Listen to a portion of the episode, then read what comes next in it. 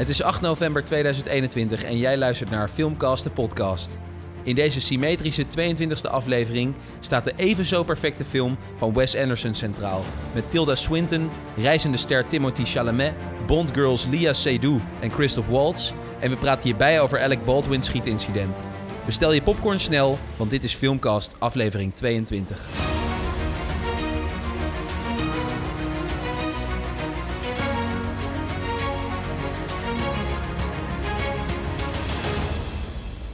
We zijn live. Hey, welkom. Yeah. Yeah. oh yeah. Yeah. Eh, de aflevering welkom, 22. Mijn Van de gute. filmkast. Het is ondertussen bijna winter. En dit is eigenlijk Klopt. wel de perfecte tijd van het jaar, vind Om ik altijd, om en naar de film te gaan en om dit Om soort dingen te podcast- luisteren. Ja, precies. Het, Nee, eh, want het is toch donker. Ja, buiten is niks meer te zien. Ja, of je moet er maar televisie gaan kijken binnen of zo. Een rondje lopen doe je eigenlijk ook niet meer. Ja, als je televisie kijkt, zet dan ons gewoon een keer Ja, aan. zet ons dan een keer. Ik bedoel, ja, iedereen heeft natuurlijk alle series van de afgelopen tijd op Netflix toch al wel afgezien. Ja. Misschien een goede pro-tip, hè? Thuisbezorg.nl die bezorgt nu ook in de meeste steden eh, popcorn van Pathé. Echt Ja, dan kan je dus eh, een, pop, een middelpopcorn van Pathé met Oh, een ik drankje. dacht, dit is een of andere... Je krijgt jij geld om dit te zeggen? Nee, nee, nee. Maar eh, ik, ik Want dacht ze dus... hebben mij niet benaderd. eh, ik dacht dus, dat is misschien leuk voor vanavond om te doen. Maar toen zag ik dus dat één middelpopcorn en een drankje 5,90 euro is. Toen dacht ik wel, dat betaal je in de bioscoop ook volgens mij. Nou ja, ik, en nu komen ze naar je wel deur brengen. Thuis. Want als ik dan nu... eh, Ik bedoel, als we ja, die dan film is het ook gewoon niet meer warm. Is ook niet meer warm. Dus eh, ga ik liever naar de supermarkt waar ik voor 50 cent een zak popcorn haal. En een drankje voor samen een euro, dan Ja. 5,90 euro. Maar goed, Ja, ik vind het echt Mocht je zo niet je huis met jou willen? naar de bioscoop te gaan. Altijd maar die mag, eh, magnetron popcorn die jij dan mee weet Ja. nemen. En dan vraag ik daar of ze het op willen warmen. Ja. Doen ze altijd moeilijk over. Ja. Maar ja, nou goed, mocht je het willen. Het is net als Gorilla's, hè, boodschappen. Nou, nu kan je ook gewoon je popcorn thuis laten Ja, moet je nog meer van dit soort online supermarkten gaan noemen? nee. Oké. Dit was het. Poeh, gelukkig. Ja, nou dan Hey, gaan maar we lekker. naar de Ja, nee, of maar- niet? Hè, wat zeg je? Zullen we dan een nieuwtje dan? Oh, ik dacht dat dit het nieuwtje al was. Nee, nee, nee. dit oh, je hebt ook echt nieuwtjes. Ja, je hebt ook dingen waar je geen geld voor krijgt. Ah, ja. Ja. Het zou mooi zijn als ik hier heel veel geld voor krijg. Ja, nou, ik heb een aantal nieuwtjes. Best wel veel. eh, ik heb twee Nederlandse nieuwtjes. Eigenlijk hele korte nieuwtjes. Wat ik heel interessant vind is het volgende: dat regisseur Roel Reiné. eh, Lekkere die eh, alliteratie. kan je ondertussen kennen van Michiel de Ruiter. Dat, is, eh, dat, Oh. Volgens mij is dat eh, de, nu de twee na duurste Nederlandse filmproduktie ooit. Want het was na Zwartboek de één na, maar nu heb je Oh, ondertussen... En we hebben natuurlijk Slag om de Schelde, dus daarna Zwartboek ja. en daarna eh, Michiel de Ruiter. Precies. En ehm, nou, dat was op zich ook wel echt wel een prima, prima Heb je film. hem gezien? Ik heb hem gefil- wel gezien, ja, zeker. Ja, ik ja. weet wel dat die Frank Lammers, die had een of andere tenue aan... waardoor hij op Ilja Leonard Pfeiffer, die Nou, hij was lijkt. Michiel de Ruiter. Ja, misschien Dus, lijkt Ilja gewoon op Michiel de Ruiter. Dat kan ook. Ja, ik vond het, ik vond het wel... eh, ja, het was gewoon een prima film. Maar wat ik leuk vind, is dat het dan over een Nederlands historisch figuur gaat. Dus dat is denk ik goed voor de geschiedenis van Nederland. Natuurlijk ook wel weer een beetje Heb je nu geromantiseerd, over Michiel de. Ruiter of over die Roel, Ja, ja, Michiel Ron, Maar die? Roel René heeft dus die film gemaakt. Ja. Ehm, en hij werkt dus aan een nieuwe Nederlandse film. Aan een iets recentere Nederlands bekend figuur. Roel Ruiter werkt aan... Roel René. Roel René van, Ru- van de Ruiter werkt aan een Nieuwe recente Nederlandse film. Eh, en eh, de- eh, het echte nieuws is dat hij de financiering rond heeft gekregen. Want hij heeft namelijk van Nederlands Van Filmfonds harte, weer Roel namens de podcast. gekregen. Ja. Ontzettend goed gedaan. Gefeliciteerd. Maar de film zelf, die gaat over eh, de militair Marco Kroon. Eh, dat eh, zeg je misschien wel. oh ja, misschien die enge man, toch? Ja, nou, Hij was een is- mol. Of was, was dit die militair die, eh, die het bos in is gevlucht? Nee, nee, nee, nee, Oh. nee, dat is een Dat Belg was een volgens bel. mij. Oh ja. Die, die leeft ook niet meer. Deze man leeft nog gewoon. Is, eh, ja... eh, Wacht even, is die man, die, die Belgische militair, is die overleden? Ja, Ja, die is dood teruggevonden. Die had toch allemaal wapens gestolen en zo? maar ik Ja, wist dat niet dat hij... Ik dacht dat hij nog steeds ergens daar onder de grond zat. hij had, al heel lang had hij zelfmoord gepleegd. Joh, oh, oké. Uiteindelijk. Was storm in een glas water. Ja, uiteindelijk dus wel. En het was wel grappig, want... Nou, dat is niet grappig. Maar de burgemeester die had hem dus toen ook gevonden. Dat is best wel random. Nou, ik wou zeggen, dat was vind ik echt niet grappig. Nee, was gaan mountainbiken en... eh, maar goed. Eh, Jeetje, dat dan de burger... terug- Dan heb je een heel team met eh, rechercheurs en zo. Die burgemeester die gaat op zondag een rondje doen. En die vindt hem. Ja. Ehm, maar even terug naar Marco Kroon. Marco Kroon was dus, een- was dus een, een militair, was. Ehm, hij heeft de hoogste militaire onderscheiding gekregen voor wat hij in Afghanistan heeft gedaan in 2009. Ehm, daar heeft hij leiding gegeven ook eh, aan het Nederlandse peloton wat daar eh, zat. Daar heeft hij een boek van geschreven. Dat boek heet Danger Close. Daarna is hij vooral in opspraak geraakt voor onder andere drugs- en wapenhandel en bezit. Oh. Hij is veroordeeld voor wapenbezit, niet per se voor eh, de drugs of handel da- daarvan. Ehm, maar hij komt... Hey, schrijft hij daar ook over in dat boek? Eh, dat is weet ik onhandig eigenlijk als je dan een autobiografie schrijft en dan... ja. ja, dan moet ik ook alles gaan vooruit. schrij- opschrijven. ja, nee, dus ik denk niet dat, dat je dan dat in eh, opspraak raakt. Ja. Het schijnt wel dat het ergens te maken heeft met ook wat ehm, eh, stress Kronkels van vroeger. Oh, ja, nee, oké, dus, dat PTSS? wat- ja, wat meer militairen inderdaad ondervinden. Eh, maar eh, hij komt tegenwoordig vaker in het nieuws met wat negatief nieuws dan inderdaad toen de tijd toen die. eh, hij komt in het nieuws, dan bedoel je... Hij, hij wordt uitgenodigd voor praatprogramma's. Nee, Oh, gewoon. Dat zou ik dan wel weer een hele Hollandse Dan is hij weer vinden ergens namelijk. eh, volgens mij eh, opgedoken met, met verkeerde foto's. eh, waar die, Oh, ja. Maar goed, Ergens, er komt ergens in, nu, in eh, Gambia of zo met allemaal AK-47's. Ja, maar je moet er dus voor oppassen, want hij is eh, maar één keer echt veroordeeld. Dus dan weet je eigenlijk van de rest niet of het nou echt eh, waar is of niet. Maar goed, er komt dus een film van die ook nou, deels gebaseerd is op dat boek. Ehm, maar er zit meer omheen. Eh, en die gaat hij, deze man, eh, die Roel René, dus maken. Eh, ik denk dat het best wel een interessante film kan worden. Nou, leuk. Dus ik ben benieuwd. Leuk, Roel. Ja, ander nieuwtje. Wat vind jij van Max Verstappen? Ja, ja gewoon heel, ik vind hem heel erg snel. Ja, hij is inderdaad wel snel. Grappig is, Netflix is nu een documentaire aan het maken, Drive to Survive. Zo, En dat gaat uiteraard over Formule 1. ja. Ehm, en over- eh, een van de redenen, wat denk je dat een van de redenen is dat ze deze documentaire maken? Een hele praktische reden. Eh, geld. Eh, nou, vast ook wel. Ehm, ze waren toevallig aanwezig en ze hadden al heel veel beeldmateriaal. Nee, ook niet echt. Vind ik wel praktisch. Dat is heel praktisch. Nou, eh, Max Verstappen heeft toevallig al een Netflix-abonnement. Dat zou ook heel goed kunnen. Ja. Wat hier wordt beschreven is dat ze het eh, eh, maken om de sport populairder te maken in Amerika. Dus dat vond ik wel Oh. droog. Hoe maak je een sport ergens populair? Dan ga je er maar net Ja, ze veranderen eerst de naam al in een grappig. Amerikaanse Ja. naam, Formula One. Ja, precies. Dus eh populair. Maar goed, dat is niet per se het nieuws. Het ding is dat eh, Max Verstappen, die heeft eh, aan seizoen 1 in ieder geval meegewerkt. volgens mij een paar afleveringen. Nu worden de nieuwe afleveringen weer ook gemaakt. Ehm, maar daar doet Max niet dus- meer aan mee. Oh, Want Max is niet zo blij, want hij vindt dat Netflix de beelden overdramatiseert. ja. en dat ze rivaliteit laten zien Max. wat er helemaal niet is. Heb jij ooit Netflix gekeken, Max? Ja, maar als je dat niet weet voordat je ergens aan mee gaat doen en opeens... eh, Ja, dat ik vind het wel typisch. ik het wel. Overal waar documentaires over gemaakt worden, ook over het leven van André Hazes. Al continu als het dan net uit is, dan vinden die mensen het eigenlijk die, nog interessanter Ja. om dan te zeggen: nee, nee, dit is eigenlijk allemaal echt niet waar hoor. Ja, precies. Ja, Terwijl ik denk dan ook van, eh, eigenlijk vind ik dit hetzelfde als dat we nu een Nederlandse documentaire serie gaan krijgen over American football of zo. Want Amerika heeft op dit moment niks met de Formule 1. Volgens mij omdat er geen Amerikaan in meedoet. In Nee, het tijdperk van James Hunt liep heel Amerika leeg. Ja. Die races waren ook daar. Ehm, Ja, de race Ford zijn nog steeds zijn best- daar, hè? nou ja, nou ja tu- tu- tu- tuurlijk, ongetwijfeld. Eh, Ja. Omdat ze gewoon eh, ook op andere stukken asfalt willen rijden. Ehm, maar eh, eh, Ford heeft heel lang, heel hard zijn Ja. best gedaan om, eh, om, om zich met dit hele Formule 1 gebeuren te bemoeien. Ehm, ja, en nu zit er toevallig geen Amerikaan, maar een Nederlander. Nou, nu is dan even ons, eh, ons dingetje. Nu volg- volgen wij Max. Maar er komt onge- ongetwijfeld wel weer een tijd dat er een. Amerikaanse racer komt. En dan.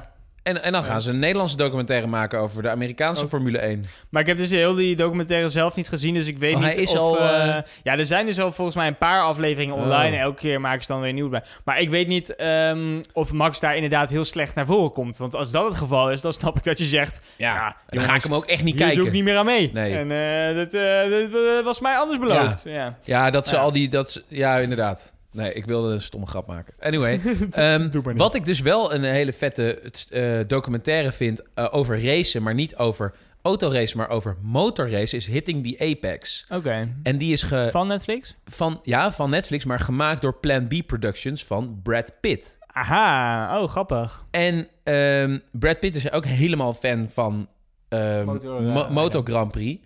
Eh, dus die heeft echt een enorme documentaire gemaakt. Volgens mij duurt die wel twee uur. Oh, wat vet, met joh. prachtige beelden en heel veel crashes. Dus als je daarvan houdt, Ja. nou, dit is één grote crash-compilatie. Met de hele historie van het hele racen. Ja, en daar zit geen Nederlander is daarbij betrokken. Het zijn vooral Italianen en eh, Spanjaarden. Eh, maar mega spannend en superleuk dat Brad Pitt het dus zelf ook ingesproken heeft of, of uh, nage, nagesynchroniseerd heeft. Ja, zeker. Uh, dan, dan doe ik ook nog een tip erbij. Als je dan toch van autoraces houdt. Volgens mij heb ik dit vaker uh, al gezegd. Herbie uh, Unloaded. Nee, maar kijk dan even Ford versus Ferrari. Precies. Nou, en die, die gaat over dit hele ding in ja, Amerika. Die gaat over, wel over een andere race. Volgens mij is dat niet Formule 1. Maar dat maakt niet uit verder. Maar dat is... ja, dat is toch de Mans 66. Ja, is, dat is toch niet Formule 1 of wel? Jawel, dat oh, was wel? toen de... Volgens mij was dat toen okay. gewoon... ik weet niet of Formule 1 toen al bestond. Weet ik ook niet. Maar in ieder geval wel echt een aanrader met onder andere Christian Bale en Matt Damon. Echt, uh, echt een goede Legendarische film. acteurs. Ja. Nou, ik heb dus ook nog een nieuwtje. Want ik vind eigenlijk dat we nog even terug moeten komen op ja. het gebeuren van de afgelopen twee weken. Oké. Okay. Um, het zal je niet ontgaan zijn dat Alec Baldwin oh, ja. op een filmset, de filmset van Rust. Beetje de elephant in the room dit. Ja, inderdaad. Ja. Maar ja, dan moeten we toch even benoemen. Ja, Iemand heeft doodgeschoten.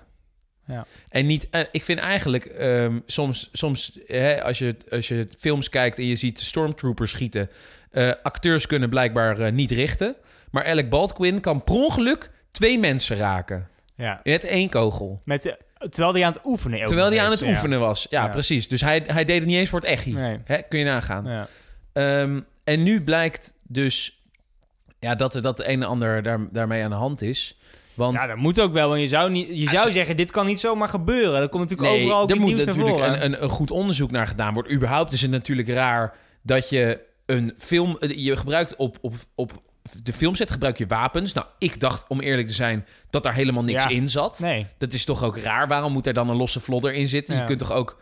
Maar goed, de- hè, waar, waarvoor hebben we anders Ja, losse eh, vlodder schijnt het te zijn eh, ja, voor de flits, voor de lichtflits en voor... Ja, en zodat dat je in ieder niet geval weet Ja. van... oké, nu wordt er een kogel afgeschoten... Ja. en dat de acteur ook precies op hetzelfde... ik Ja, snap en je ook ziet de dus wel wel. uit de lopen komen. Dus je, Ja. dit is heel praktisch natuurlijk. Oké, oké, Als het losse ja. vlodders zijn, is het heel praktisch. Ja. Eh, precies. Dan, eh, als het daar blijft, dan is het prima. Ehm, nu loopt daar dus, dan denk je van, oké, nou, oké, eh, we willen dat blijkbaar. Ja. Nou, dat moet dan goed gecontroleerd worden. Nou, dat is ook in, op elke filmset is een, eh, waar wapens gebruikt worden, is een wapensmid aanwezig. Ja. En die weet precies hoe al die wapens werken. Ja. Nou, denk je, oké, dan krijg je een soort filmpatroon. Krijg je gewoon, weet ik veel, twintig losse vlodders Je zitten nou denken, in daar je over nagedacht. Ja. Precies. Er moet een fabriek zijn. En in die Ja. fabriek worden alleen maar filmlosse vlodders Ja. gemaakt. Zodat je niet een, per ongeluk een kogel ertussen Precies. kan verwerken. Nou, mocht En meestal worden het- volgens mij geweren ook een soort van onklaar gemaakt... dat ze alleen maar losse vlodders kunnen ja, schieten geen, nou, en ik geen denk als kogels. je, Ja, dat weet ik niet. Ik denk dat als je hem onklaar maakt, dat het dan wel... Dat je Eh, dan gewoon eh, niks meer... Er was een interview met een Nederlands bedrijf... dat ook dat soort dingen voor bijvoorbeeld Ja, Nederlands doen. Zij zeggen, onze geweren kunnen alleen maar losse vlodders afschieten... anders blokkeert het hele ding. Kan je sowieso Je zou, je zou denken, dus Amerika heeft Ja. jarenlang ervaring met wapens. Precies. Maar blijkbaar alleen maar met wapens die het wel doen. Ja.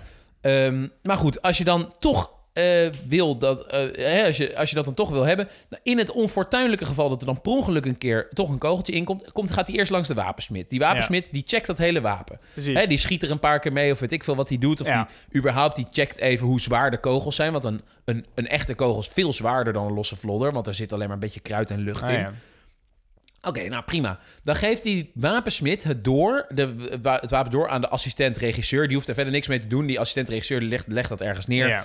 En die zegt vervolgens tegen Alec Baldwin van... alsjeblieft, dat, nu komt het eerste rare. Wat die assistent-regisseur zegt... "Thi- This is a, a cold gun, Ja, zegt hij. precies. En daarmee bedoelt hij, er zitten geen kogels in. Nou, Ja. ik, ben nog nooit, ik heb nog nooit van een filmset gehoord... waarbij dat dan niet het geval zou Nee. zijn. Dat iemand zegt, oh, be careful, this is a loaded gun. Dus, dus Ja. waarom zou je überhaupt zeggen cold gun? Dat, dat, dat vind ik vreemd. Maar goed, blijkbaar, hè, eh, het zal wel aan het protocol liggen. Eh, hij had hem zelf ook nog bekeken. Dus ze hebben nu twee mensen naar gekeken. Plus het komt waarschijnlijk uit de fabriek. Ja. Dan heeft Alec Baldwin hem. Die schiet dus iemand dood. ja. Ehm, maar goed, heel, er, er komt nou een hele, hele ehm, eh, eh, eh, heel onderzoek. Ja. En nu blijkt dat die assistent-regisseur ook al een keer in 2019 is ontslagen Ja. omdat er toen ook al een, een incident was met het afvuren van een, eh, van een wapen. Er wordt Ja. verder helemaal niet gezegd wat het dan was. Misschien is het ook onzin. eh, misschien is het wel Ja. clickbait. Ehm, maar goed, vreemd. Ja. Gelukkig komt... Hè, de focus ligt niet op Alec Baldwin. Die, die komt er met een, eh, met een sisser vanaf. Ja. En je En- zou kunnen zeggen terecht. Tuurlijk. Ja. Hallo, ik Ja. bedoel, eh, er kijken 4, 25 mensen naar. Ja. Eh, jij hebt dat ding. Eh, Maar dat is natuurlijk lastiger, want uiteindelijk kwam ook naar voren dat hij producent is van die film. Nou ja, producenten zijn meestal eindverantwoordelijk voor de mensen die ook worden aangenomen op de set. Dus het is, dat, het, het is een ont- ontzettend ingewikkeld verhaal, waar het dus heel moeilijk Uiteraard, is om maar je vinger te- zeker, ja. er is zeker in de filmindustrie. Dat is natuurlijk een hele Ja. gesloten wereld. Dus, dus, en het kan ook best zijn dat mensen elkaar de hand boven het hoofd proberen te houden, weet ik veel. Maar in ieder geval, met de hele cancelcultuur kun je niet voorzichtig Nee, genoeg precies. zijn. Ja. Daarom was ik ook zo blij dat de focus van Alec Baldwin wordt afgehouden. Want Ja. Ik bedoel, als je, nu, als je nu gaat zeggen dat Alec Baldwin gecanceld moet worden, ja, dan ben je wel echt, Ja, ja. echt, echt een, een lul. Een wappie. Precies. Maar wat er dus gebeurt is, eh, Alec Baldwin, die, die kan in zijn in zijn vuistje knijpen, want die denkt, oh, ik word Ja. niet gecanceld. Eh, die vindt het oprecht En ik vind, zo- verschrikkelijk. even tussendoor, hij heeft het heel netjes, nou netjes in hoe Tuurlijk. hoe ver ik kan zeggen. En hij, hij- staat gewoon de, de pers te woord, hij betuigt zijn Hij spijt, hij is bij die familie op bezoek gedaan. geweest. Dus- niks shady business. Nee. Hij, hij is er heel open over. Hij is er kapot van, hij, heeft je hebt het posttraumatische stress bij die, eh, bij die mensen in Ja.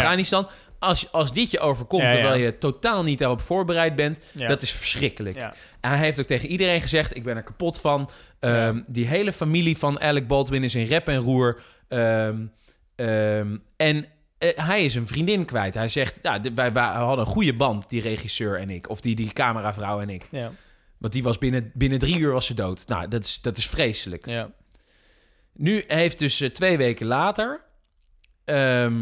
ik denk je, oké, nou, van de schrik bekomen. Hè, ehm, Focus op andere dingen en misschien. focus op andere dingen.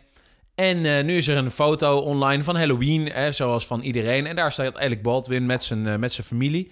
En, eh, maar volgens sommige mensen toch net iets te vrolijk. Ja. Ja, wat zullen we nou krijgen? Dan word je dus niet gecanceld op het moment dat je het doet. Maar dan Ja. moet je de rest van je leven... ja. Mag je dus niet meer blij op een foto staan. Nee. Want dat is, dat is dan kwetsend of zo. Nou, tegen de mensen die dat soort dingen... Die, nee, dus, Ja. nee, nee, nee, Ja. wacht even. Nee, nee, wacht even. Nee, maar even. Dus, dus dan, oké, stel nou dat jij zo'n mens bent, hè. Stel nou dat jij heel erg meeleeft met andere mensen... en heel erg fijngevoelig bent voor wat je allemaal wel en niet... in sociale en asociale context kunt doen. En ehm, ja, als je dan helemaal beseft dat die, dat die eh, cameravrouw echt ellende... en iedereen moet daar rekening mee houden. Als je zo fijngevoelig bent, zoveel empathie hebt... en dat je dan dus niet kan begrijpen... dat Alec Baldwin gewoon een eerlijke, oprechte man is... die hier heel erg veel last van heeft... en dat hij ook gewoon een keer normaal op een foto moet kunnen Ja. staan... omdat hij zelf ook gewoon door wil met zijn leven... Nou, als jij dan zo iemand bent... En je wil echt op deze manier dus het leven van andere mensen compleet vergallen. Ja, dan wil ik echt zeggen, jij doet Jij niet meer mee. Niet meer mee. Zoals Jan-Jaap van der Wal ooit zo mooi zei in Dit Was Het Nieuws. Ja, maar dan ben je Jij toch zelf, als je mee. denkt, ik ben zo erg eh, goed Ja. voor de wereld dat ik dit allemaal door heb. Ja, en, dan, en dan weet je toch nog, probeer toch systematisch Maar gewoon, dit is gewoon een- mensen te ja, verkloten. is nog een nadeel van natuurlijk dat hele sociale media gebeuren. Dat dit, dit soort dingen. Want voor hetzelfde geld, je, je, dat is natuurlijk ook. nou, je weet het hele verhaal er niet achter. Ik bedoel, hij lacht op die foto's. Maar misschien eh huilt deze man nog steeds van binnen. Eh, je, weet, je weet gewoon niet wat erachter zit. Dus dan is het inderdaad. Maar vooral ook als je je daar dan op gaat focussen. Je wint er niks mee. Niemand wint er wat maar mee. het probleem is Doe als, dat, niet. dat jij geen leven hebt en dat je alleen Ja. maar dit soort foto's aan het afstruinen bent en dan ook nog eens Ja. heel erg moeilijk gaat lopen doen. Prima, maar hou het lekker voor jezelf. Eh, ga dat niet op. Ga niet je, je eigen. Want, want die Alec die heeft er waarschijnlijk totaal geen bedoeling mee. De enige Nee. die doorheeft dat Alec daar andere bedoelingen mee heeft, zijn deze irritante mensen zelf. Ja. Dus het is gewoon een soort projectie van hun eigen eh, frustratie Ja. dat ze dit soort dingen gaan lopen doen. Ja, wel echt, wel echt heel, heel zielig. Ik ben wel super benieuwd wat er uit dit onderzoek, wat dus wordt gedaan, nog naar voren komt. Want Ja, er worden nu inderdaad vingertjes eh, gewezen naar de assistent-regisseur, de wapensmid. Maar er is nog steeds vrij weinig duidelijk hoe, over hoe Ja. nou echt in, in de, eh, gebeurde. Wa- Want je zag ook meteen eh, foto's van andere sets eh, waar je bijvoorbeeld voor de camera ook hele plastic eh, wanden hebt staan. Voor stel, want met een, een vlodder komt ook wel eens iets mee uit de, de loop. Gewoon eh, een prulletje of zo. Wat ook hard kan aankomen. Daarom, ja. Eh, niet dodelijk, maar wel maar dat wordt al gedaan, of is dat nu sinds dit Nee, incident? nee, dat zag je bij andere sets, dat er voor de camera een soort wand wordt gebruikt. Ik ben- Ik ben gewoon benieuwd hoe dat dan op die filmset in elkaar zat. En hoe dit allemaal dan heeft kunnen Nou, gebeuren. ik denk dus wel, kijk, dit komt natuurlijk nooit voor. Dit is, dit is de Nou, laatste keer dat dit... Ja, maar dus was dus wel het eerste artikel dat online kwam, dat we dat, nou, ik weet niet meer hoeveel jaar geleden was het ook een keer gebeurd met een- eh, met de wie? zoon van eh, Lee, ehm, eh, Bruce Lee. Bruce Lee. Ja. Nou, en dat Toch? is dus, dus, dus bijna twintig jaar geleden of zo. Dus, ja, ja, de- ja. dus hoeveel films komen er per week of per maand of per jaar zo, uit? natuurlijk. Dit komt gewoon nooit voor. Nee. Maar daarom denk ik dus wel, ze zullen er misschien wel een beetje laks in geworden zijn. En dan kan ik me niet voorstellen dat dan een kogel geproduceerd wordt.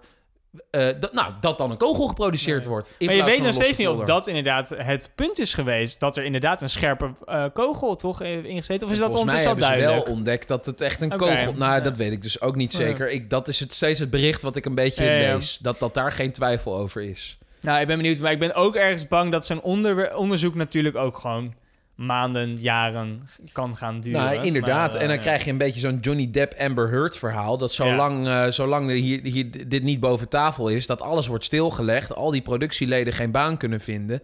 Ja, dat is wel Ja, ellende. ik, vraag, ik vraag me ook af of je deze film dan ook inderdaad nog af wilt maken. Ergens zou je natuurlijk wel willen, ook natuurlijk- naar eh, de overleden persoon toe als een soort eerbetoon. Maar ja, aan de andere kant kan me het wel voorstellen dat het Ja, heel, heel krom er, is. er hangt natuurlijk wel een beetje, beetje bloed aan deze ja, ja, film. precies. Dus, dus misschien gaan ze hem niet meer onder deze naam of onder deze hoedanigheid. Precies. Misschien stellen ze het gewoon een paar jaar uit. Dat, en dan eh, proberen ze ja. inderdaad wel in te kleden dat het een soort eerbetoon wordt. Ja, maar inderdaad, totdat er inderdaad wel duidelijk is, zal er niet veel gebeuren. Nee, eh, bovendien, film. kijk, als mensen nu al boos worden om een Halloween-foto... stel dat volgend jaar deze film uitkomt... ja, dan is de wereld ineens weer te klein. Ja, Dus ik, ik, ik denk dat, dat ze gewoon kappen... en dat ze het, eh, misschien wel gewoon het verhaal en de productie... In, onder een andere naam opnieuw voortzetten. Ja. Niet met Alec. En Precies. dan gaat hij gewoon lekker zijn eigen ding doen. ja, ik ben benieuwd. Nou, om dan met wat beter nieuws nog te eindigen. Oh, gelukkig, je hebt nog iets. Ik heb nog één, Ja. één nieuwtje. Eh Quentin Tarantino, die komt tegenwoordig best wel vaak in mijn nieuwtjes naar voren, maar wel voor allemaal andere dingen.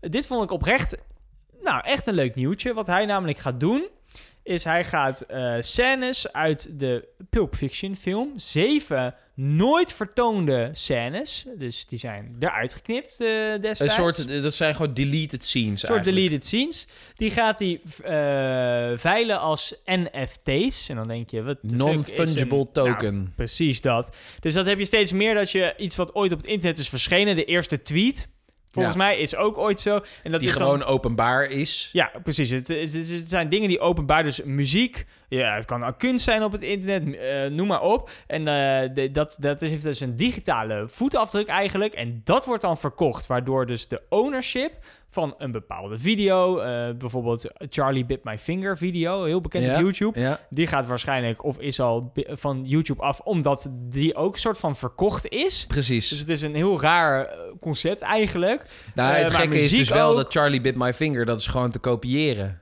Iemand, Ja, iemand klopt. kopieert dat filmpje en maar dan dus niet weer het dat filmpje. originele met de Nee. originele voetafdruk. En dat is dan wat je verkoopt. Nou, dat gaat hij dat dus vinden mensen, doen. verzamelaars vinden dat dan fantastisch. Ja, dus eh, dat, dat is zo. De, de, begin eh, dit jaar, volgens mij, of een jaartje geleden, Don Diablo is een Nederlandse DJ.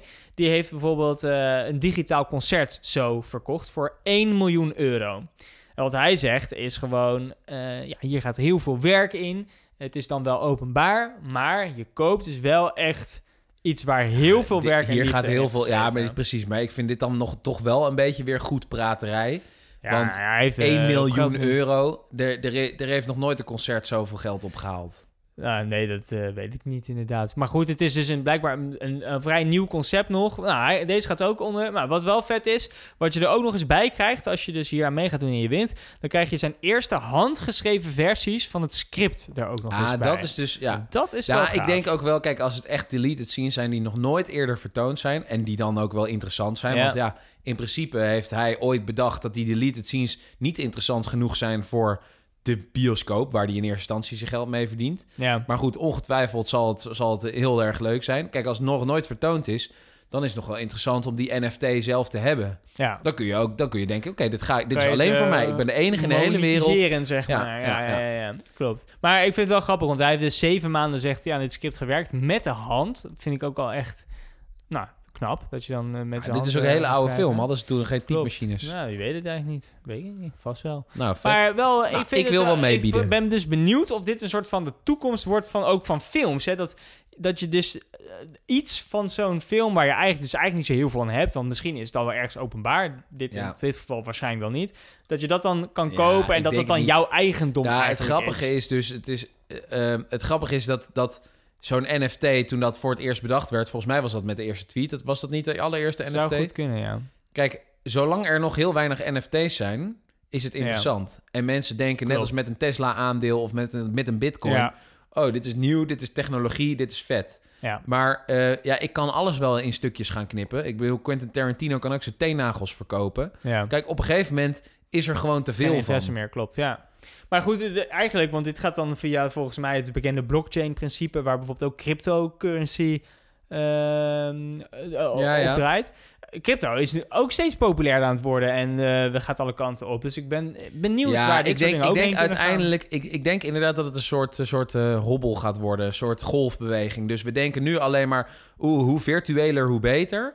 En op een gegeven moment dan zitten we volledig in een virtuele wereld en dan denken we, ja, waarom, waarom zie ik eigenlijk nooit meer gewoon de blauwe hemel en hoor ik de vogeltjes Ja. fluiten? Nou, dit is een beetje de metaverse dus. Van Nou, eh, dat denk ik Facebook. wel. Ja, ja, Ja. grappig. Nou, we gaan het zien. We, wat wij wel nog met onze eigen ogen hebben mogen aanschouwen, is de nieuwste film van...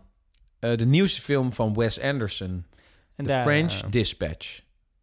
Oh, jij wilde iets zeggen? ik zeg, daar gaan we het over hebben. Ja. Nou, perfect. It began as a holiday. Eager to escape a bright future on the Great Plains, Arthur Howitzer Jr. transformed the series of travelogue columns into the French Dispatch, a factual weekly report on the subjects of world politics, the arts, high and low, and diverse stories of human interest You don't think it's almost too seedy this time? No, I don't. decent people. It's supposed to be charming. He assembled a team of the best expatriate journalists of his time Berenson, Sazerac, Kremens, Roebuck Wright. These were his people. Just try to make it sound like you wrote it that way on purpose. The French Dispatch is de tiende film en een van de meest lang verwachte films sinds 2018 van Wes Anderson. Wes Anderson, een regisseur van eh, ongeveer 44 jaar oud of zo, die al sinds zijn achtste ehm, filmpjes en, en, en eh, toneelstukjes schreef, maar pas vanaf zijn dertigste echt grote films is gaan maken is een van de meest bekende en meest iconische eh, regisseurs ter wereld. Allerlei soorten acteurs vinden het fantastisch om met hem te werken. Niet voor niets zit in deze French Dispatch nou volgens mij wel 30 bekende acteurs. ja. Mensen die terug blijven komen jarenlang. Ja. Eh, Bill Murray, die nu al negen films met hem heeft Ja. gemaakt. Owen Wilson, acht films. Ja. Echt Edward bizar? Norton, die altijd terugkomt. van Tilda. Swinton. Ja. Precies. En het grappige is dat alle films van hem zo ongelooflijk verschillend zijn. Want waar die dan in één keer een eh, hele kleurrijke... Nou, sowieso zijn ze allemaal kleurrijk natuurlijk. Maar ehm, een, een, een levensechte film maakt... Ja. maakt hij de volgende keer weer een, een, een animatie. Ja. En heel veel doet hij met stop motion. Zoals eh, Fantastic Mr. Fox, Fox, zeker. 2009 of zo. Eh. Isle of Dogs, negen jaar later, 2018. Dat was ook een stop-motion film.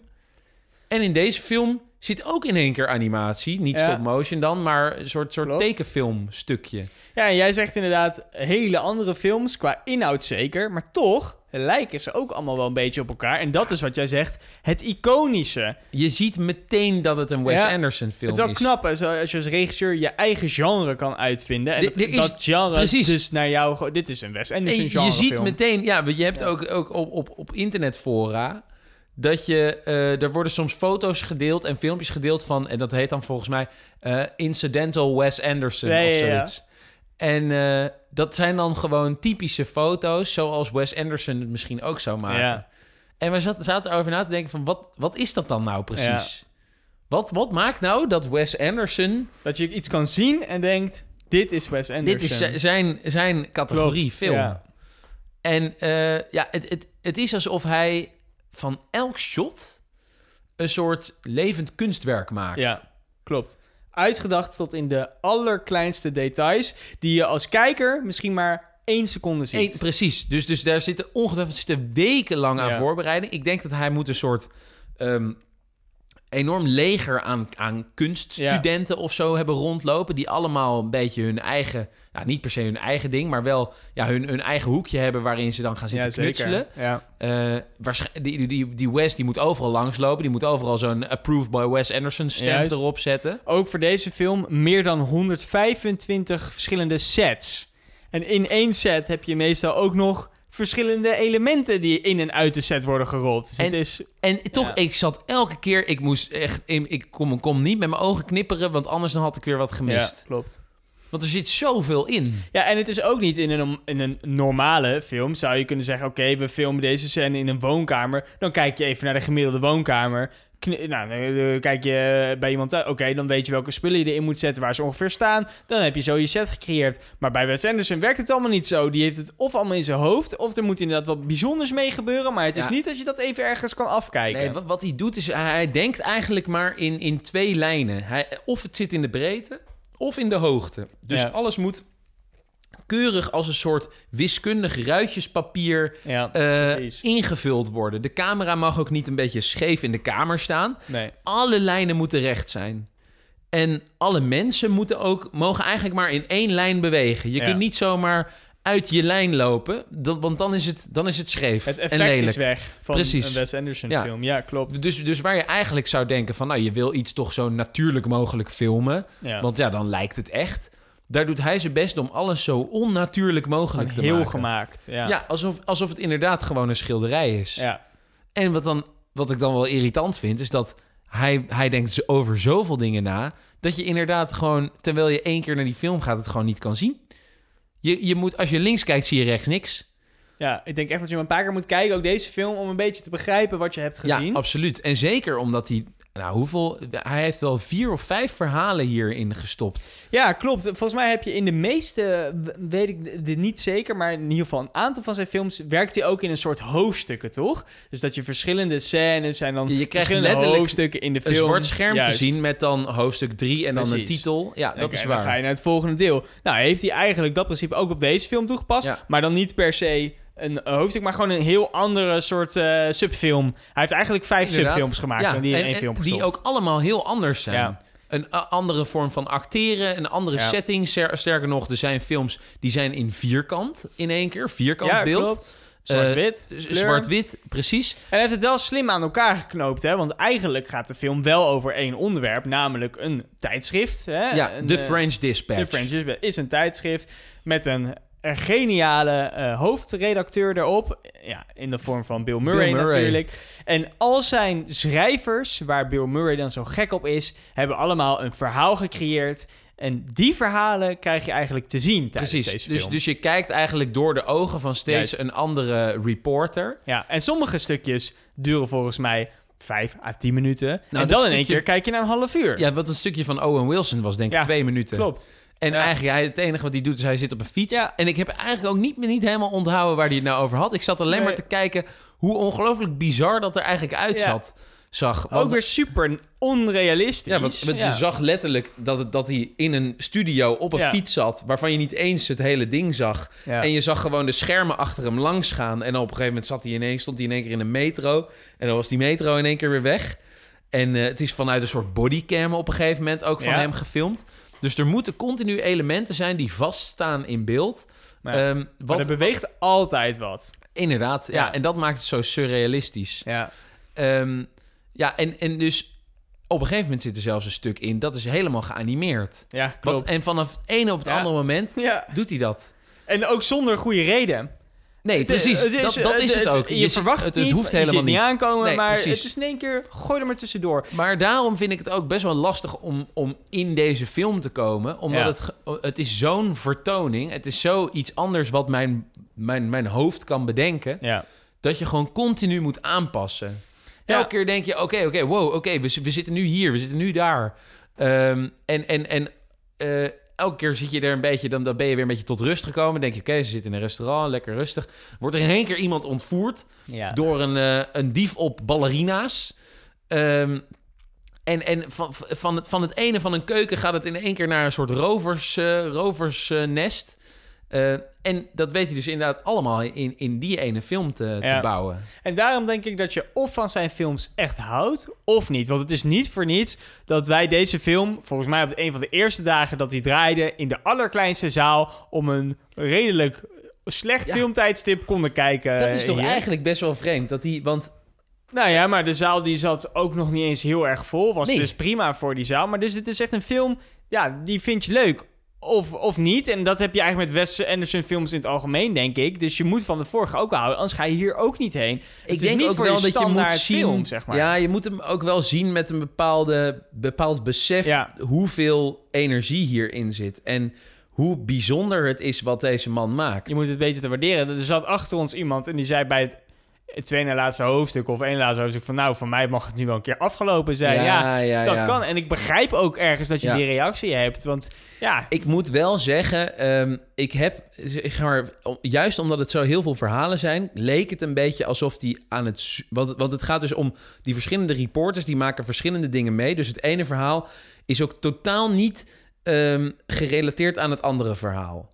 Eh, dus er zit gewoon een harde knip Ja. en er Ja, zit ja, gewoon, eh, je- krijgt een nieuwe titel en je krijgt een heel, heel Klopt. iets anders. En het kan ook van het, van het nu tot, tot, tot 50 jaar teruggaan. Eh, maar daardoor, omdat hij dus vijf verhalen erin, of weet ik veel, vier, vijf erin wilde stoppen, voelde het een beetje, soms voelde het een beetje ehm, geforceerd. Alsof hij nog een verhaal moest bedenken. En het was oprecht ongelooflijk interessant. ja. Maar ik vond het met name heel erg interessant, omdat het hele goede acteurs waren ja. die allemaal volledig zichzelf konden zijn. En volledig en, en niet, zich niet wilden aanpassen aan de ander, niet wilden aanpassen aan Wes Anderson.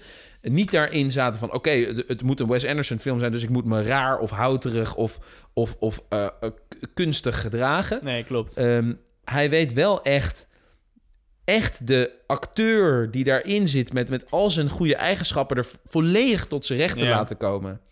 En daarom heeft, hebben volgens mij, eh, da- dat is ook de reden dat al die acteurs graag met hem mee willen doen. Hoe, hoeveel heeft, eh, heeft deze film nou gekost? Ja, niet eens zo gek veel. Wat eh, zei ik tegen jou? 20? 25 miljoen. 25 miljoen. En dat is in vergelijking met James Bond. Ja, James Bond gaat richting de 200 miljoen als en, het dan en, niet meer en, is. en dan zit in James Bond, oké, zitten vier bekende acteurs. en de rest allemaal niet. En hierin, nou, Ja. we, we zitten bij de 15 Noem maar nog niet uitgeteld. Noem ze maar eens even op. Nou, ik, natuurlijk Tilda Swinton zit er Ja, altijd in. zeker. Bill Murray. Ja, ik vond, vond het wel jammer dat Ralph Fiennes er dan ja, niet in zat. Als je het toch over Klopt. James Bond Ja, hebt. Ehm, maar Owen Wilson zit er altijd in. Die Adrian Brody, die zit ook in ongelooflijk veel, van zijn, films. Maar Klopt. dat is niet per se iemand die je echt, echt Niet onthoudt per als... naam, maar als je hem ziet, dan, Dan, denk dan je, weet je ah, meteen, dit oh is ja, hem. Typische Wes Anderson. Eh Saoirse Ronan zit er ook in, ook sinds zijn vorige film. Ehm, wat een hele leuke verrassing was, is dat er nog een andere James Bond acteur in zat. Dus we hebben nu al ehm, Jeff... Oh nee, ja, nee, die ook nog trouwens. We hebben dus... eh, nee, ja, ik, ik- het zijn allemaal... Het zijn allemaal James? Bond acteurs. Nou, ik kan ze wel allemaal opgenoemen, Ja. maar dan is de hele... Nou, die Lia Seydoux bijvoorbeeld. Die, die Franse actrice die eh, de, de Bond Girl tot twee keer toe heeft gespeeld. In Spectre en in No Time to Die. Oké, die is duidelijk. Die zit erin. Die krijg je in vol ornaat te zien. Precies. Maar dan zit er dus Benicio del Toro. Oké, hebben we ook gezien. Uit eh, Quantum of... Nee, zat hij in Quantum of Solace? Ja, volgens... Nee, nee, dat, was een andere. Klopt. Nee, nee, maar, maar die- die- hij, hij, hij zat er wel... Ik weet, ik weet niet meer Ik wat weet hij nou hij speelde in, James Bond zat. Zat hij in James in Bond? James Bond. Jawel, die heeft ook in James Bond gezeten. Zou goed kunnen. Oh, maar die Mathieu Amalric of zoiets. Amalric. Ja, Mathieu die zat inderdaad Quantum of. Solace. Ja. Die zat in Quantum of Solace. Maar ik herkende ook ehm, Felix Leiter. Precies. Wa- En, maar die zag er in één keer heel, anders, uit. ja. En dat vind ik dus zo bijzonder. Dat kijk, we, we hebben het vaak gehad over acteurs die, die gecast worden omdat ze een bepaalde rol kunnen doen. Die rol altijd vervullen. Mensen willen die rol zien, die kopen Ja, een kaartje. Ja. En zo hou je zeg maar het hele circus in Super stand. typecasting-achtig, ja. Maar deze acteurs, ik heb ze nog nooit zien doen Nee. wat ze nu doen. Ja, klopt. En echt petje af voor die Benicio del Toro, want we herkenden hem niet eens. Nee. Maar dus inderdaad wat je zegt, uit de eh, James Bond film die dus net uit is gekomen, zitten er dus al drie acteurs in. Nee, ik, heb, ik, had, ik telde er zes. Ja, dat is toch ongelooflijk. Hoe, maar hoe werkt dat dan? Gebruik Hollywood Gaat hij dan- ja. recyclen of zo? Nou ja, sowieso wordt er gerecycled. Maar het grappige is dat de- dit, deze acteurs... die zie je bijna nooit terug in, in andere enorme films. Nee. Oké, ja, die Lia Seydoux en Christoph Waltz... die hebben dus nu in vier films ja, gespeeld. ongelooflijk. Van eh Wes. Van, nee, ja, twee... eh, eh, wat is het? Twee van Wes Anderson. Ja. Oh, en, eh, en Volgens mij. Of, of is, was Christoph Waltz nog... Nee, nee, nee. Eén van Wes Anderson hebben ze samen gespeeld. Ja. Terwijl die Lia Seydoux, die heeft al in meerdere Wes Ja. Anderson films gespeeld. Maar ze hebben natuurlijk allebei twee keer in James Bond gespeeld. Maar er is nog een film waarbij Lia Seydoux en Christoph Waltz samen, gespeeld gespeeld? hebben. Moet jij raden welke Ja, dat is? geen idee. Nou, waar zat Christoph Waltz in? Christopher Waltz ken ik uit Inglourious Bastards, eh, Ja, uiteraard. Zou, precies. Dat zij er ook in, ja? In de allereerste scène zit ook Lea Nee, Seydoux. niet. Ah, maar dan als eh jonkie nog. Als, dat is ja, lang geleden. zij is dus helemaal niet zo. Zij is Grappig. tien jaar ouder dan wij. Ja, Dus films van tien jaar terug waar Ja. zij in zat. Dus bijvoorbeeld Inglourious leeftijd. Basterds was gewoon Ja. onze leeftijd. 26 jaar. En, maar wat het grappige is dus, meerdere acteurs uit deze films zitten ook samen weer in andere films. Bijvoorbeeld de film van Woody Allen, Midnight in Paris. Owen Wilson speelt daar Ah, de ja. hoofdrol. En ik heb toch weer een fotootje gezien dat Lea Seydoux ook in die, Die film die zit. film zit. ja. Het Maar dat vind ik wel, wat jij zegt, is, eh, is- klopt super erg. Dit zijn zulke andere rollen dan ze in een James Bond film spelen. Of in Precies. een andere film. Het is zo goed dat ze... Je, die Wes Anderson die haalt iets uit die acteurs wat niemand anders kan. Dit- En dat maakt het zo goed. Dit is echt, en het, dat is zo grappig, want het is zo gestaged. Het is zo Ja. nep. Klopt. En toch acteren ze beter dan ik ooit heb Ja. gezien in een andere film. En het, het- ze dachten ook zelfs nog dat het een, een musical zou worden. Ja, Nou, dat is het dus uiteindelijk toch niet gebeurd. Nee. Ehm, maar eh, Ja. het, het is zo anders dan anders. En als jij nu terugkijkt op die film, ik heb voor mijzelf, jij zei net al Owen Wilson op een fiets, die gaat een beetje weg als je naar de rest kijkt. Wat mij heel erg bij is gebleven is het stuk waar Timothy eh in speelt, Timothy Chalamet. Chalamet, ja precies. Chalamet. Dan heb je nog het stukje van ehm, Benicio del Toro, hè, dat hij... Ja, ehm, dat was, ik vond dat heel, wat ik vooral ongelooflijk leuk vind. Eh, eh, hij, hij switcht steeds van zwart-wit en dan weer naar kleur. Ja, En daarmee ga je die kleur heel erg waarderen. Ja. Eh, en hij, hij, hij richt het natuurlijk zo in Grand Budapest Hotel, hebben we dat ook gezien. Sommige scènes zijn gewoon helemaal in het roze. ja, ja. Helemaal in het rood. En ik vond de scène die helemaal in het oranje was, en dat was met Tilda Ja. Swinton, dat zij gewoon een college staat te geven. ja.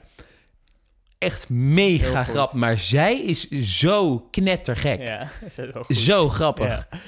Ja. Dus die, die is mij bijgebleven. Ja, de, en, de, en de laatste die mij ook nog is bijgebleven is dan die met Jeffrey Wright. Dat met de, de politiecommissaris en de, Ja. de kok. Dus dat zijn eigenlijk drie grote die me echt zijn bijgebleven. En die duren volgens mij ook wat langer. De rest dat zijn inderdaad wel de, de, eh, grotere, ja, de grotere En scènes. ja, ik vind het lastig om dan te zeggen welke ik daaruit het meest, eh, meeste heb gewaardeerd. Ik denk dat, dat, eh, dat dan de keuze gaat tussen of de, de Timothy Cha- Chalamet versie... Ja. Of toch de Benicio del Toro versie. Eh, want ik vond die allebei heel erg sterk. Terwijl het hele, twee, al, twee, super verschillende verhalen zijn. Eh, Het zijn allemaal hele verschillende verhalen. Ja, dus ik, ik zou daar ook niet kunnen benoemen welke ik eh, daar beter uit vind. Nee, maar ik weet wel het dat is wel een plezier om naar ja, te kijken. absoluut. En het grappige is dus ook... ehm, hij, die Wes Anderson heeft een bepaalde manier van regisseren... waarbij er dus een... Het, het script moet heel duidelijk zijn. Dus er, er, dit is de scène. Ja. Er gebeurt dit en dit. Eh, jullie, eh, nou, jullie moeten het hier en hier over hebben. Maar heel veel invulling laat hij juist helemaal vrij. Ja, Hij probeert zo, zoveel mogelijk te laten ehm, eh, improviseren. ja. En ik heb één film gezien waarbij ik ook zo goed, goed acteerwerk heb gezien. En dat is helemaal geen bekende film. Volgens mij is het een Spaanse film zelfs. Eh, eh, Coherence heet het. Het is een beetje science fiction. Ehm, maar de eerste scène duurt vijf minuten. En ik dacht echt, wow, dit, dit is zo echt. Want in heel veel films, dan volgt iedereen het script. En dan wacht je, j- jij zegt iets en ik weet, oké, jij op een gegeven moment staat jouw Ja. punt. En dan mag ik. En dan zeg ik mijn ding en dan staat mijn punt en dan mag jij weer. Ja, ja. Ehm, maar zo, zo gaat een echt gesprek gaat natuurlijk helemaal niet. Mensen worden in de reden gevallen. Mensen stoppen halverwege hun zin omdat ze niet meer weten. ja, precies. Wat ze moeten zeggen. Daarom. ja. En, Ja. en dat maakt, ik denk dus dat, en toch, ik, want ik wist het al, dat er heel veel ehm, eh, improvisatie in, de, in deze film zat. Maar ik heb het niet, niet kunnen, Nee. kunnen bespeuren. ja, waar het zat. Ja, niet klopt. kunnen proeven. Ja, ja. Maar toch, toch was het zo echt Ja. en zo goed. Ja, en, en, en toch blijft het, we, we hebben zat films van deze gast nou gezien. ja. Eh, en toch weet ik niet wat het nou is. Hoe kan Nee, het nou dat deze ja, films zo interessant zijn? Ik denk dat dus dat het eh, aansluit op, op meerdere dingen. Kijk, visueel is het natuurlijk super aantrekkelijk om daarnaar te kijken. Maar zou je kunnen Ja. zeggen, het is allemaal een beetje hetzelfde. Dus misschien begint het nu saai te worden. Wat ook, eh, wat, wat blijkbaar dus ook is, dat heel veel van die acteurs en actrices die in deze film hebben gezegd... dat het een van de beste filmervaringen is die ze ooit hebben Ja. gehad. Het samenwerken met Wes Anderson is een feestje. Ja, ze En vonden het zo. Het, ze vonden het de, de leukste ervaring, maar ook een van de moeilijkste ervaringen. Ja, maar als je zo'n sfeer creëert, dat je mensen enorm in hun kracht zet, dus hun Precies. uitdaagt, eh, Ja. maar ook om hun vrij te laten in, nou, als je iets beter te zeggen hebt, dan doe je het Ja. maar. Dan creëer je denk ik een hele goede sfeer opzet, waar er, dus er ontstaat gewoon nieuwe, nieuwe dingen. ontstaan er gewoon. en ik Ja. denk dus inderdaad ook wat, wat hij doet met die acteurs en actrices, dat is echt heel voelbaar terwijl je Ja. de film ook ziet.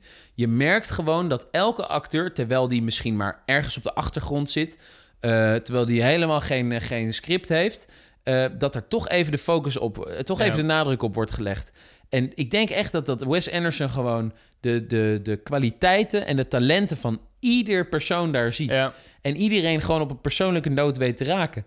En, en daarom komen ze waarschijnlijk ook terug. ja, precies. Want, want hoe kun je anders Ja. 15 peperdure acteurs in een Ja. film van 25 Ja, miljoen niet stoppen? te doen. Ja. Die moet, ze moeten dat gratis doen, En denk ook ik. de manier waarop ze in die film vertonen. Twee, die gaan er gewoon... Helemaal naakt. Ja, helemaal naakt. Maar en dat, niet en een dat zijn beetje. niet de minste inderdaad. Dus de, de- hoe krijg je dat voor elkaar? Ik zei Ik- je tegen jou in die video, hoe ga je dat gesprek met iemand Ja. aan? Eh, de- gewoon een super bekende actrice die net de hoofdrol in James Bond film heeft gespeeld. Weet ik veel hoeveel miljoen heeft verdiend. Hoe ga je het gesprek met zo Ja. iemand aan om te zeggen... Nou, eigenlijk voor deze scène, hè? Ja, ontzettend knap. Nee, en het is ja, ongelooflijk gevaarlijk, die, eh, Ja. die Wes Anderson. Die kan... ja, die, die, die, die krijgt alles voor elkaar. Eh, inderdaad. Wat ik dus wel, wat ik ergens dus wel ook begrijp, is dat voor sommige mensen dit een moeilijke manier van film kijken is. Want in een normale film, eh zeg 90% van alle films ooit gemaakt, die volgen het principe van film maken heel erg. Hè? Dus je begint met een soort introductie. Op een gegeven moment heb je de, de aanloop naar een soort climax. Dan is er een climax, heb je een payoff en dan is je film een keer klaar. Er Tussendoor gebeuren nog allemaal dingetjes. Meestal gaat het eerst eh, heel goed, dan gaat het fout, dan gaat het weer goed aan het einde.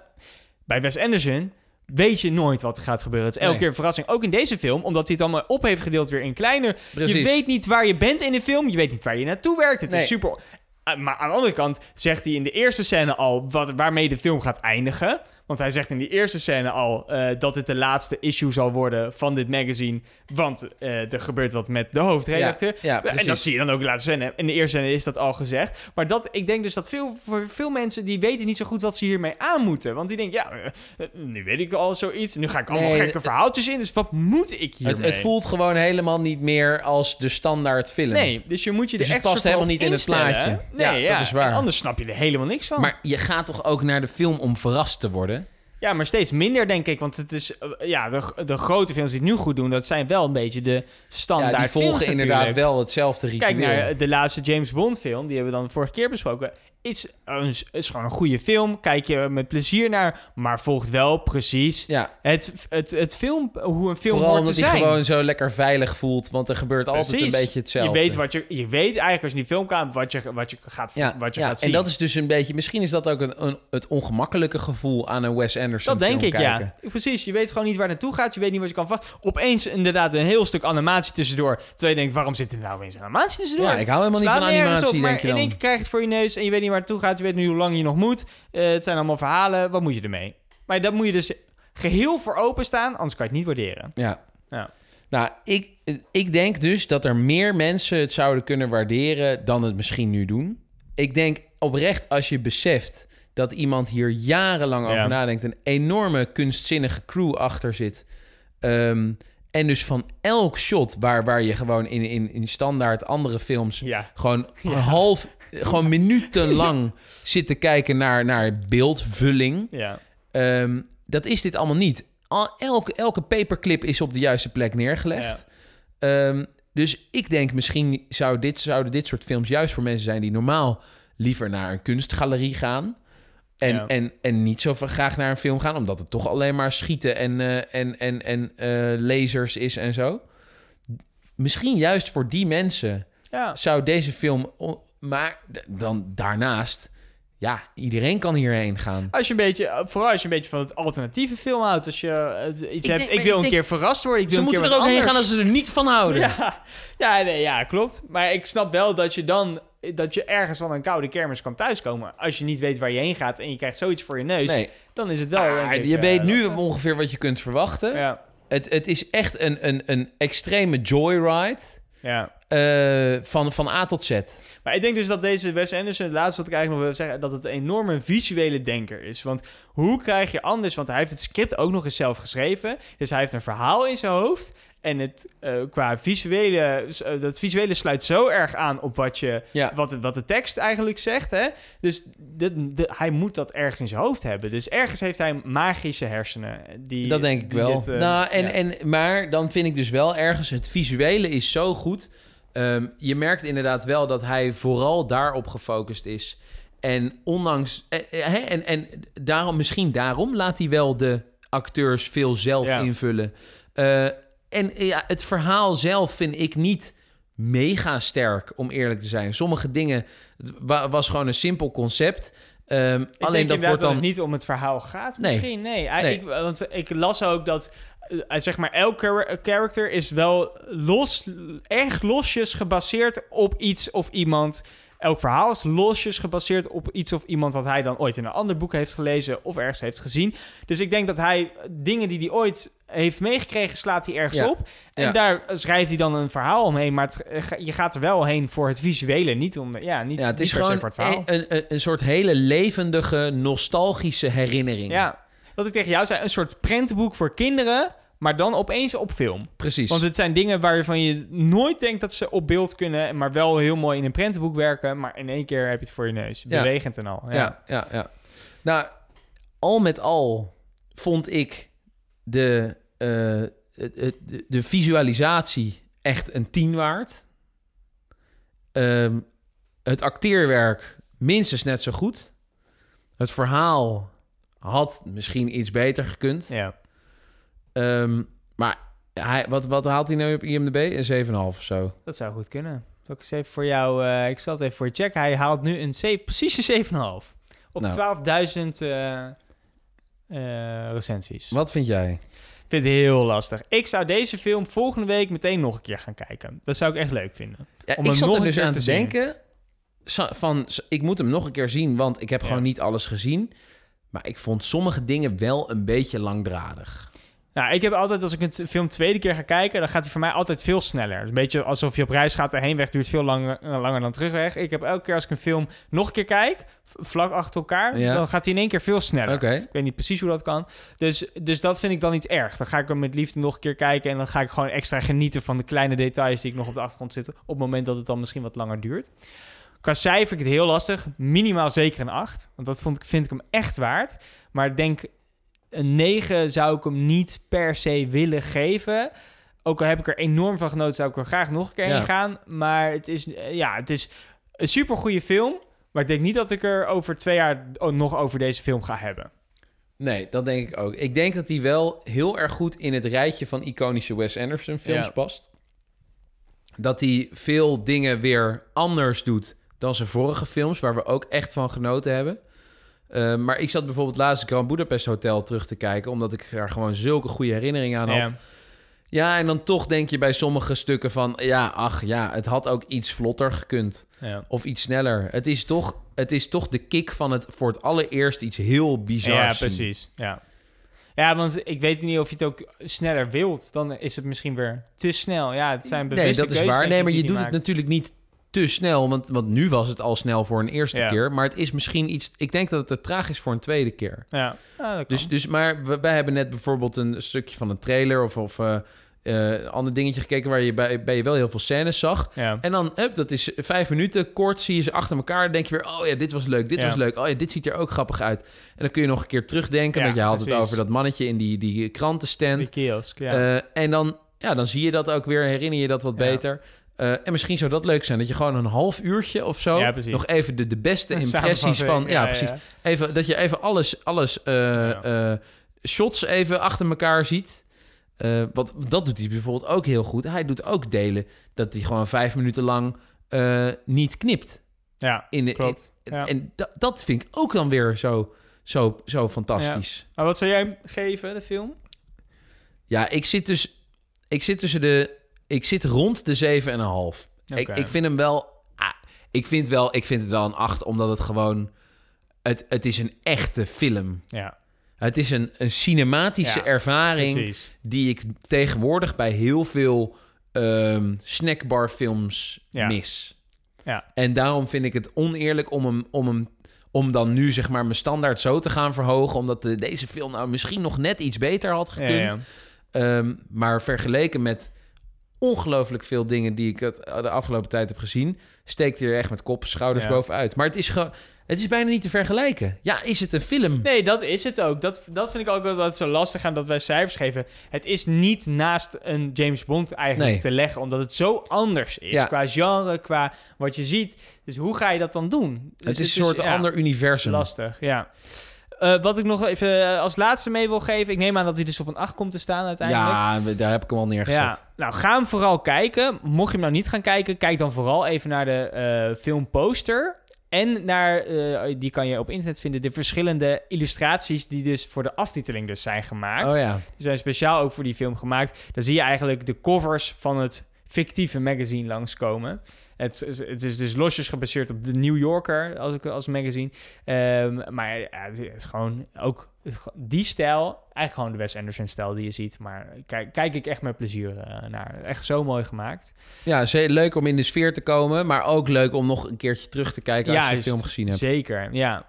Dan willen we jullie bedanken voor het luisteren. Ga vooral kijken wat wij over een aantal weken hebben gezien. Dat weten we nog niet. Dat eh, horen we jullie dan de volgende keer. En wij gaan het zien. Ja, graag tot dan. Bedankt voor het luisteren. Fijne avond nog. Dag.